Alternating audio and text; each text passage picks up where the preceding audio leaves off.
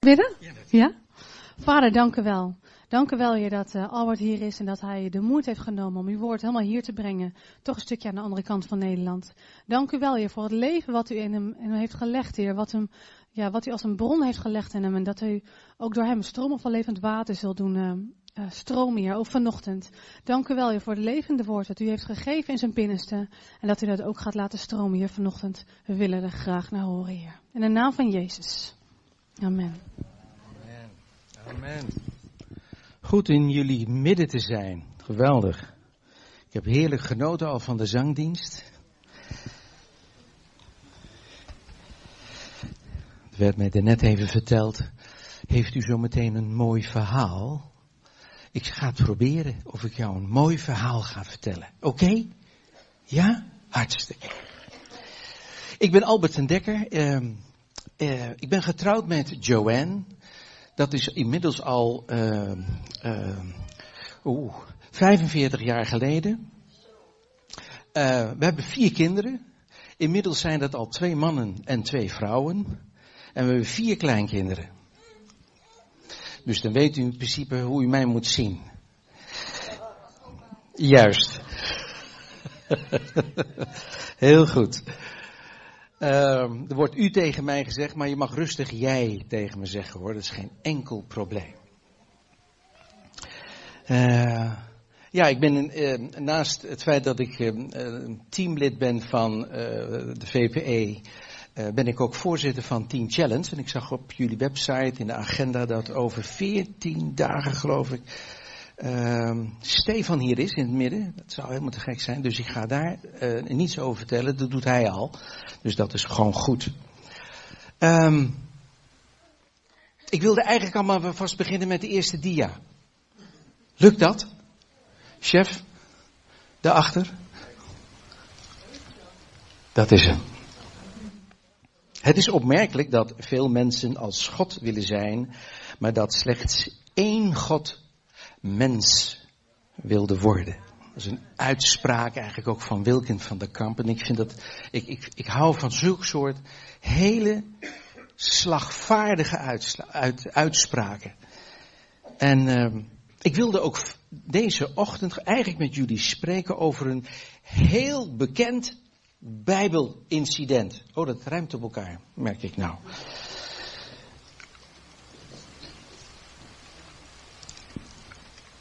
En voordat ik eigenlijk met jullie hierover wil gaan spreken, wil ik eigenlijk één afspraak met, met, met elkaar maken. Dat zeg ik ook wel eens vaker bij ons in de gemeente. Um, weet je, God is niet geïnteresseerd in onze mening of onze eigen gedachten. Dat we die hebben is helemaal niks mis mee. Dat zeg ik verder helemaal niks over. Maar God is veel meer geïnteresseerd in of wij gehoorzaam willen zijn aan zijn woord. Dat is heel wat anders. Want je kan over iets een bepaalde mening hebben, dat mag, dat is helemaal geen probleem. Maar het is veel belangrijker dat je daarover nadenkt en dat je zegt, hmm, ik wil liever het woord van God gehoorzaam zijn. En de reden waarom ik dit zeg, wij in onze gemeente hebben een aantal standpunten over homofilie, euthanasie enzovoort enzovoort. En um, we hadden, van de week hadden we weer een, een, een, gemeenteavond en we hadden daar op een bepaald moment, en dat hebben we nog wel eens in zo'n rondvraag, werd er gezegd, ah, waar en hoe en, en toen hebben we gezegd, wij willen onze standpunten niet in beton gieten, maar we laten ons niet leiden door politiek correcte antwoorden. Door maatschappelijk correcte antwoorden. Door sociaal correcte antwoorden. Maar we willen ons laten leiden door de openbaring van Gods geest. Door u en door het leiderschap heen. Dan willen we zonder meer zeggen, want als God daar een nieuw licht over wil geven, dan gaan we daar gewoon over nadenken.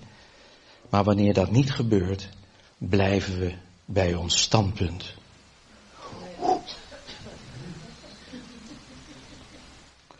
Dat werd me niet in dank afgenomen. Maar dat geeft ook helemaal niet. Dat is helemaal niet belangrijk. Het meest belangrijke is dat God ons kent diep in ons hart. Ik wil je meenemen vanochtend uh, naar iets waar we geestelijk iets uit kunnen leren. Uh, ik heb daar heel veel van geleerd. Dus als ik tegen jullie spreek, dan spreek ik ook gewoon tegen mezelf. Want dat geldt uiteraard dus ook voor mijzelf. Ik wil vanochtend met jullie spreken over de tempelreiniging. Dat is een overbekend verhaal. Maar het is wel goed dat we daar eens een aantal diepten in gaan ontdekken. En ik ga met jullie lezen uit de nieuwe Bijbelvertaling, dus nog niet alle, uit de allernieuwste, die we dus net vanochtend hebben gehoord, maar de NBV, in Johannes hoofdstuk 2, vers 13 en 17. Ah, prachtig. Hartstikke goed. Nou, wat staat daar? Kort voor Pesach, het Joodse paasfeest, reisde Jezus naar Jeruzalem. Daar trof hij op het tempelplein de handelaars in runderen, in schapen en duiven aan. En de geldwisselaars die daar altijd zaten. Hij maakte een zweep van touw en joeg ze allemaal de tempel uit met hun schapen en hun runderen. Hij smeet het geld van de wisselaars, smeet hij over de grond heen en gooide al de tafels omver. En riep tegen de duivenverkopers, weg ermee. Jullie maken een markt van het huis van mijn vader. Is het tot zover spannend genoeg, lieverd? Ja? Oké. Nee, is goed. Als het niet spannend genoeg is, moet je je vinger even opsteken, oké? Hartstikke goed. Heeft u zich wel eens afgevraagd waarom de Heer Jezus nou zo boos werd op die duivenverkopers? Daar kom ik zo meteen op terug, dus onthoud het even, die vraag. Als we nou in Marcus hoofdstuk 11, vers 15 tot 17 kijken, dan zien we eigenlijk dit verhaal ook beschreven. Dat zijn twee boeken eerder in de Bijbel. Nou, het beeld wat de evangelieschrijvers eigenlijk over Jezus geven, is vooral dat het een hele aardige, een zachtmoedige, een vredelievende, rondtrekkende man was. Zelfs je vijanden kon je maar beter liefhebben. Jezus wijst Petrus terecht wanneer deze met een zwaard de soldaten wil beletten om Jezus te arresteren. Jezus biedt geen verzet. En dat vraagt hij ook van de discipelen. Dus de tekst die we nou zojuist hebben gelezen, vallen eigenlijk bij dit beeld, wat ik u nu net geschetst heb, een beetje uit de toon. En als ik hier nou zo mee bezig ben, als ik nou zo'n geschiedenis lees, dan denk ik, hè? Kan Jezus nou ook zo reageren? Kennelijk dus wel.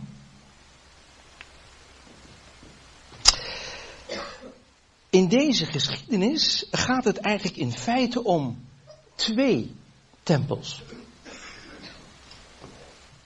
De eerste tempel is de tempel in Jeruzalem. Dit is de meest heilige plaats voor Israël. Het is de plek waar God woont, te midden van zijn volk. Hier, in het heilige der heiligen, is de tegenwoordigheid van God. De tempel is een gebedshuis. Een plaats van ontmoeting met God. Een plaats waar verzoening wordt gebracht. Genezing wordt ontvangen. Een plaats waar je stil wordt van ontzag. Of dat je je stem verheft in aanbidding. Daar is God. Vanuit die plek gebiedt hij zijn zegen. Vandaar dat jullie voordienst, jullie, jullie aanbiddingstijd zo onvoorstelbaar belangrijk is. Want daar gebeurt al een hele hoop. De tweede tempel in deze geschiedenis wordt door de meesten eigenlijk niet, niet als zodanig herkend. Het is Jezus. Let op, wat ik net vertelde. Het wezen van een tempel is dat het een plaats is waar God met zijn tegenwoordigheid woont. Niet zomaar even aan voorbij gaat. Nee, in woont. Hou dat even vast. Dat gold voor de tempel in Jeruzalem, maar dat geldt natuurlijk voor Jezus precies hetzelfde. De volheid van God is in hem. En Johannes, de schrijver van het evangelie, dat naar hem is vernoemd, maakt dit in zijn proloog, zijn inleiding hè, van zijn boek al heel duidelijk. Wanneer hij heel sprekend over Jezus zegt dat hij het woord is. Bedoelend heel duidelijk op God. En dat hij onder ons heeft gewoond. En nou let, wat, daar, wat staat daar nou letterlijk in de grondtekst?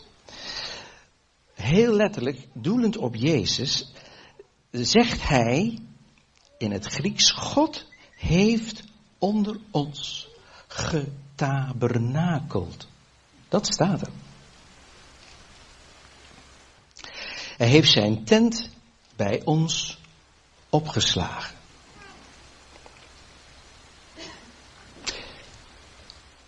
Twee tempels ontmoeten elkaar. Zegt de een tegen de ander, het lijkt wel een marktplaats hier.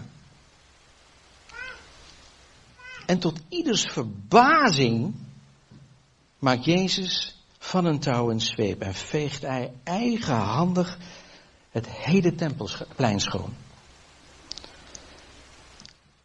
Alle handelaars drijft hij het plein af, inclusief de beesten die zij verkopen. En de duiven die zijn van schrik zelf weggevlogen. Hij keert de tafels van de wisselaars om, geldwisselaars. Het huis van mijn vader zou een huis van gebed moeten zijn. Maar jullie hebben het gemaakt tot een marktplaats. Wat is hier nou eigenlijk aan de hand? Wat is het dat deze reactie oproept bij Jezus? En wat betekent dit nu vanmorgen voor jullie en voor mij? Wat is hier nou feitelijk aan de hand op dit tempelplein? En misschien klinkt het voor bij jullie wat oneerbiedig in jullie oren, maar ik dacht bij mezelf toen ik dit ook las. Heer, waar maakt u zich nou zo druk over? Want op het eerste gezicht is het beeld over het tempelplein helemaal niet zo ernstig. Er werden helemaal geen onreine offers gebracht. De handelaren waren op het tempelplein en niet in de tempel zelf. En bovendien vervulden ze een hele belangrijke rol bij het hele gebeuren. Veel mensen die naar de tempel gingen om daar te offeren, komen van ver af. En het is logisch dat ze niet een koe of een schaap of weet ik veel wat voor een andere grote rund meeschouwen. Het is dus logisch dat ze daar het offerdier, offerdier uh, kochten. Ja toch? Lijkt mij wel logisch. En iedereen, niet iedereen had een veestapel, dus het was ook wel heel logisch dat die mensen ook daar gewoon het offerdier kochten. Ook de geldwisselaars deden gewoon hun werk. Helemaal niets aan de hand. Er was in die tijd waren daar verschillende soorten van, de, van een munteenheid. En de tempel had zijn eigen munteenheid, wist u dat? Dus als je dus met, met een offer kwam, moest dat gewisseld worden. Vandaar die geldwisselaars. En de tempelbelasting kon dus ook alleen maar in die munteenheid worden voldaan. Tja. En er waren natuurlijk gewoon mensen die op dat tempelplein liepen, die daar helemaal niks te, eh, te zoeken hadden en die gewoon dwars over het tempelplein heen liepen, omdat dat gewoon de kortste weg is naar de andere kant van de stad. Waar hebben we het over?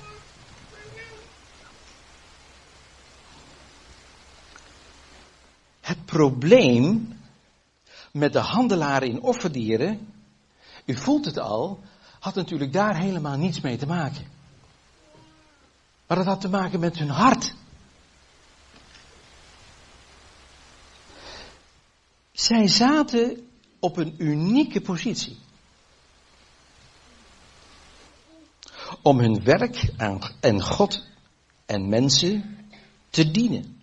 Zij konden dus de offerdieren leveren die nodig waren voor de offers in de tempel.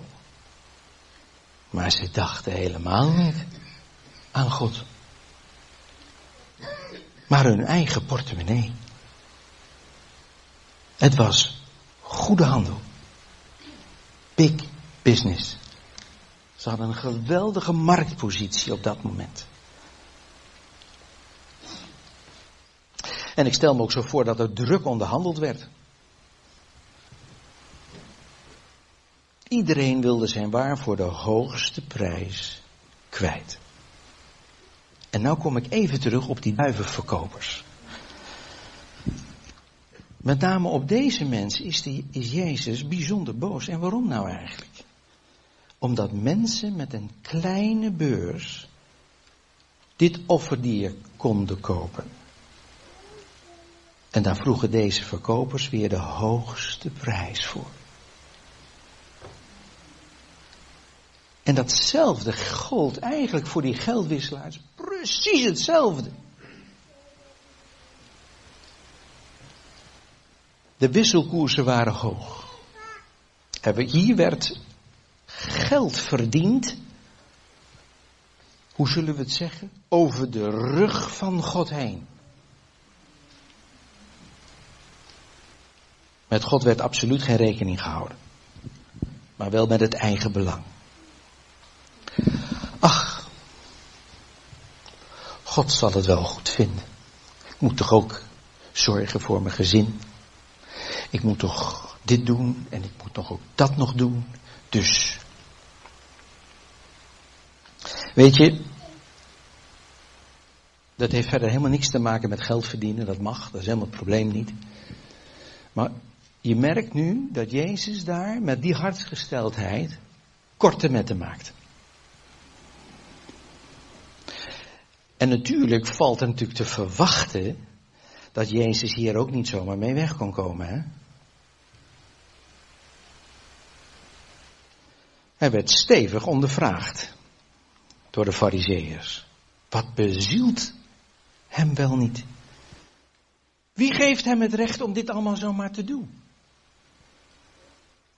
Bewijs nou maar eens dat je dit gedaan hebt namens God. Goed, zegt Jezus. Breek deze tempel maar af in drie dagen. Of in zoveel dagen. En ik zal hem weer opbouwen in drie dagen. Hm? Ja, de Joodse leiders die dachten bij zichzelf, dit, dit gaat nu wel een beetje erg verder. Hier begrijpen we helemaal niets van. Ze zijn ook helemaal niet van plan om aan dat voorstel van Jezus te voldoen. Maar, maar,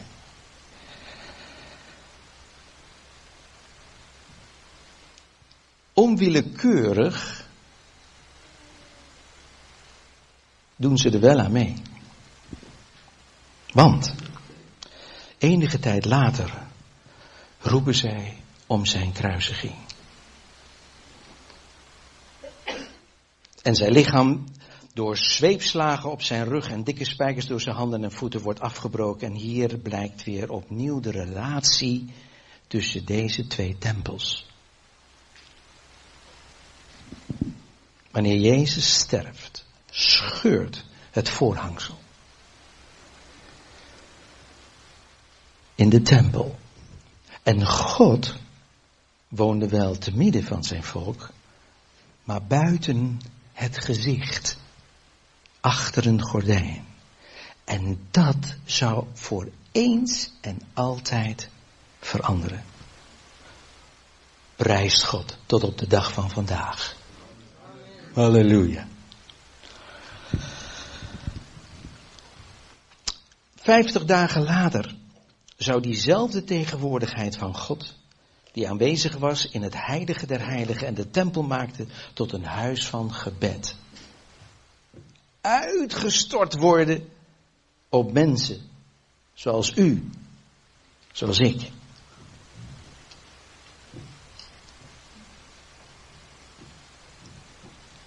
Het lam dat voor ons werd geslacht en schoongewassen door de waterdoop. Daar, zegt God, daar wil ik wonen. Met mijn heilige geest. Nogmaals, niet aan voorbij gaan. Ik wil daar wonen.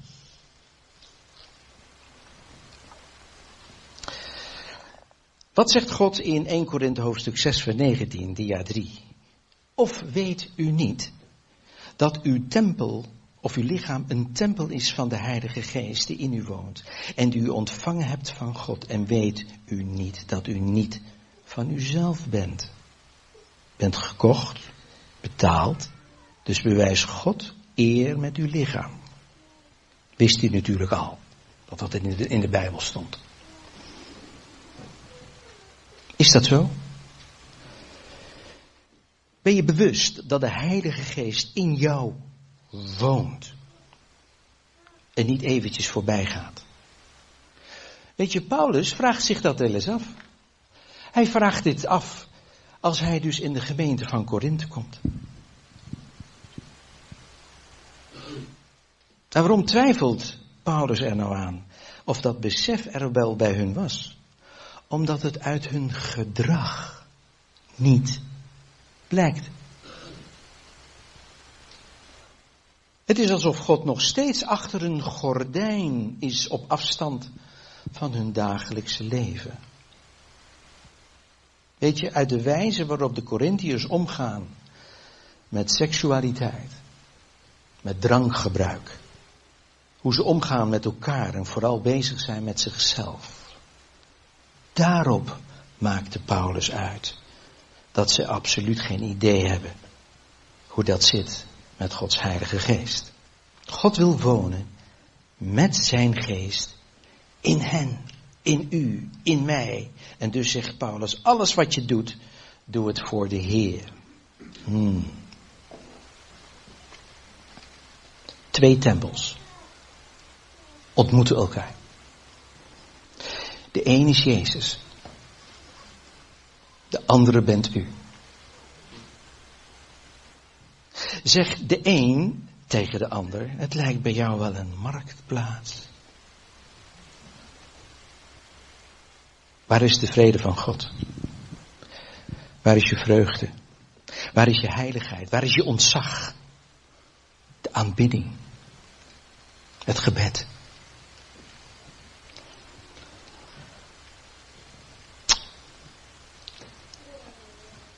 Ik moest tot de conclusie komen, en dat moet ik regelmatig eigenlijk hoor, bij die, tot, kom, kom ik tot die conclusie, dat ik een tempelreiniging nodig heb. Ik weet niet hoe het bij jullie is. Nou weet je, Jezus is daar de specialist in. Hij doet niets liever. En denk nou niet dat Jezus met een zweep achter je aankomt.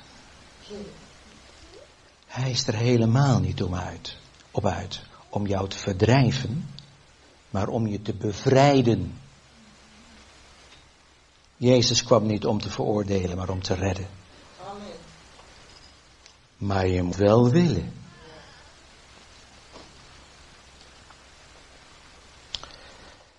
De handelaren op het tempelplein waren de volgende dag gewoon weer terug. En ze waren weer om hun waar weer te verkopen. In die tempel dus was er geen blijvende verandering. Wat hem betreft was dat goed zo. En alles bleef zoals het was. Wat is nou het punt wat Jezus wilde maken?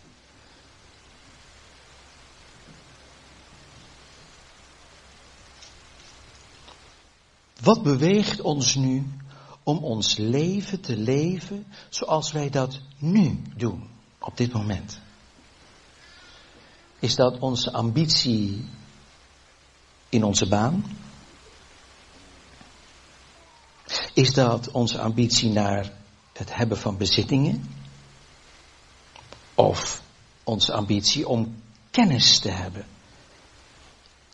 Overigens, wat ik er net noem, daar is helemaal niets mis mee.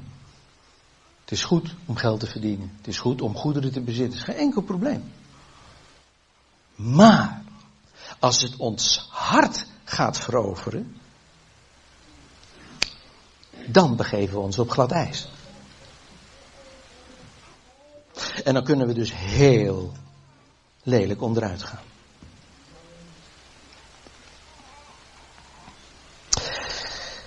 En we besluiten met de dia uit Geladen 5 vers 22, wat daar staat. Maar de vrucht van de geest is liefde, vreugde en vrede, geduld, vriendelijkheid en goedheid, geloof, zachtmoedigheid en zelfbeheersing. Er is geen wet die daar iets tegen heeft. Wie Christus Jezus toebehoort, heeft zijn eigen natuur met alle hartstocht en begeerte aan het kruis geslagen. Hoe? Wanneer de geest ons leidt, laten we dan ook de richting volgen die de geest ons wijst. Laten we elkaar niet uit eigen waan de voet dwars zitten en elkaar geen kwaad hart toedragen. Een tempelreiniging. Dat is, uit eigen ervaring kan ik dat zeggen, is het beste wat je kan overkomen.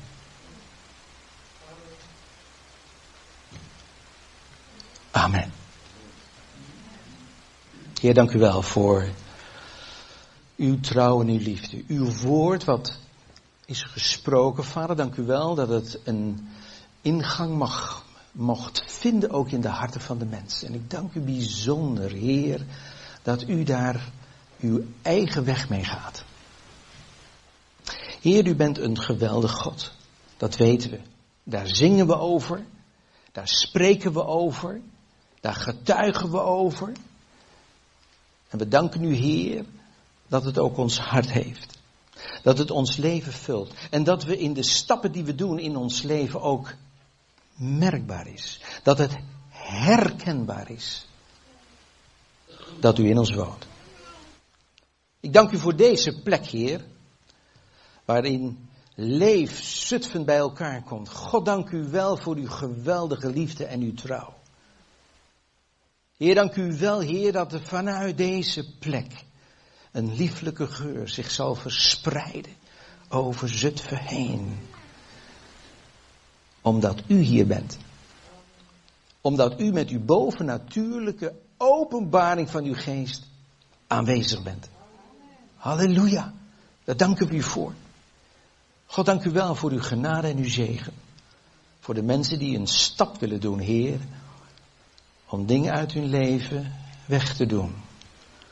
Omdat ze zelf wel duidelijk in de gaten hebben, Heer,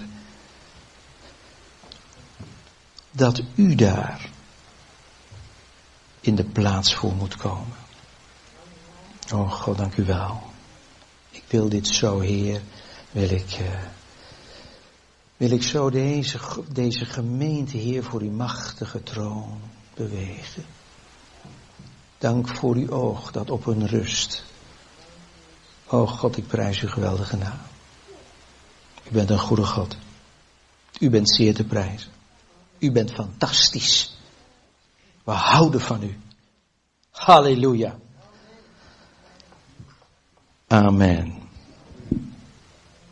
Ik heb begrepen dat jullie eh, een eigen uh, pastorale team hebben. Ik denk dat het ook goed is om niet weg te gaan. Als je weggaat, ga dan veranderd weg. Kom in gesprek met de mensen die, daarvoor, die er daarvoor zijn. En ik denk dat het goed is dat je samen met hun het aangezicht van God zoekt. En probeert te ontdekken waarom een aantal dingen in je leven niet tot stand komen. Kan een aantal dingen liggen natuurlijk. Ik kan dat niet aanwijzen. Het is alleen Gods geest die jou dat heel duidelijk kan maken. Maar dat zegt Gods woord, hè? Gods geest overtuigt van zonde en gerechtigheid. Dus ik kan wel een hele hoop zeggen. Nee, het, is, het moet Gods geest zijn die jullie daarover overtuigt. Halleluja. Ja, nu, nu, nu zijn jullie al heerlijk met, met, met de muziek bezig. We hebben soms de, de, de neiging om na de prediking um, aan iemand gewoon, of aan de gemeente, de, de, de mogelijkheid te geven om vragen te stellen. Als u zegt, Albert, dat heb je nou gezegd, maar daar snap ik nou helemaal geen enkele sikkepit van. Wil je dat eens uitleggen? Dat doen we dus niet elke, elke zondag hoor, dat doen we soms wel. En eh, ik wil u gewoon deze gelegenheid. Ik heb het net even over, overlegd of dat mocht. En ik geef u de gelegenheid aan twee, drie mensen om een vraag te stellen. Als u een vraag heeft, steek je vinger op. Laat het maar eens horen. Als uh, in uh, dingen gebeuren, is Paulus dan dat zij de Heilige Als al deze dingen in Korinthe gebeuren, hoe wist dan Paulus dat zij de Heilige Geest hadden? Nou, dat was nou juist zijn vraag, want hij dacht dat ze de Heilige Geest helemaal niet hadden. Dat was totaal anders. En toen ging hij echt ook bij God te raden. Maar hij zag natuurlijk ook aan hun levensstijl wat er aan de hand was in die gemeente. Daar was Paulus natuurlijk een geweldige apostel voor vervuld met Gods geest om die dingen te gaan herkennen. En toen ging hij op een bepaald moment tegen de Corinthiërs zeggen van, oh, wacht eens even. Als dat zo bij jullie is, ja, sorry jongens, maar dan gaan we regelgeving vaststellen. Maar wanneer u overeenkomstig hetgeen wat God u heeft opgedragen leeft, heeft u helemaal geen regels nodig, want we dienen een God van orde. Zijn geest is een God van orde. En je houdt elkaar gewoon zelf in, in balans. En dat is heerlijk. Dus Paulus moest regelgeving stellen, helaas. Is dat een antwoord een beetje op je vraag? Een soort al. Ik ben niet helemaal overtuigd. Oh, toch wel, oké. Is er misschien nog een vraag? Geen enkele vraag is dom hoor, dus. Uh...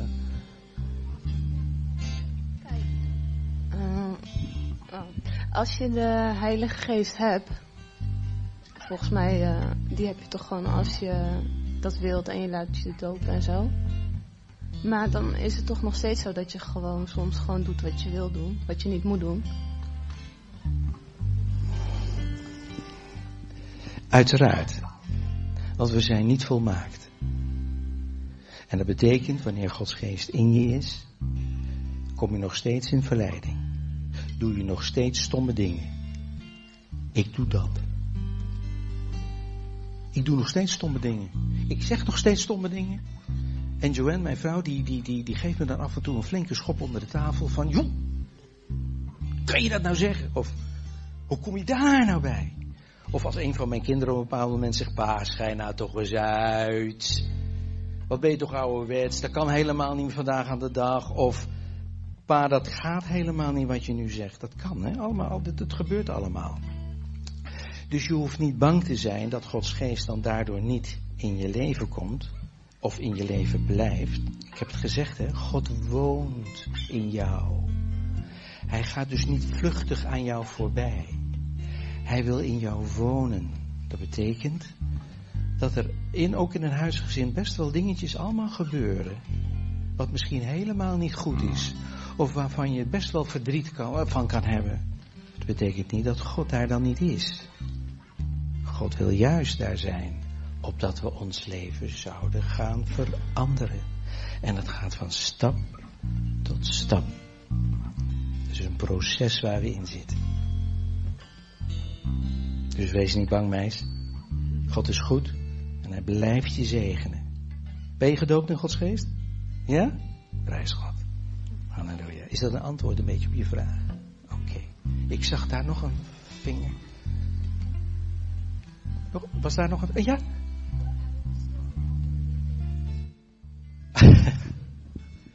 Hoe wist ik dat? Ja, dat is een beetje woordstudie. Dus dat moet je even, dan moet je even wat, wat graven in het woord van God. En daarom wist ik dat. Ja? Er, zijn diverse, er zijn diverse boeken die daar ook over schrijven. Wat zeg De vraag was, hoe wist u dat er een verschillende munteenheden waren in de tempel? Precies. Ja, de Romeinen hadden inderdaad een andere munt. Ja, klopt. Geen vragen meer? Prijs God. God zegene jullie. Halleluja.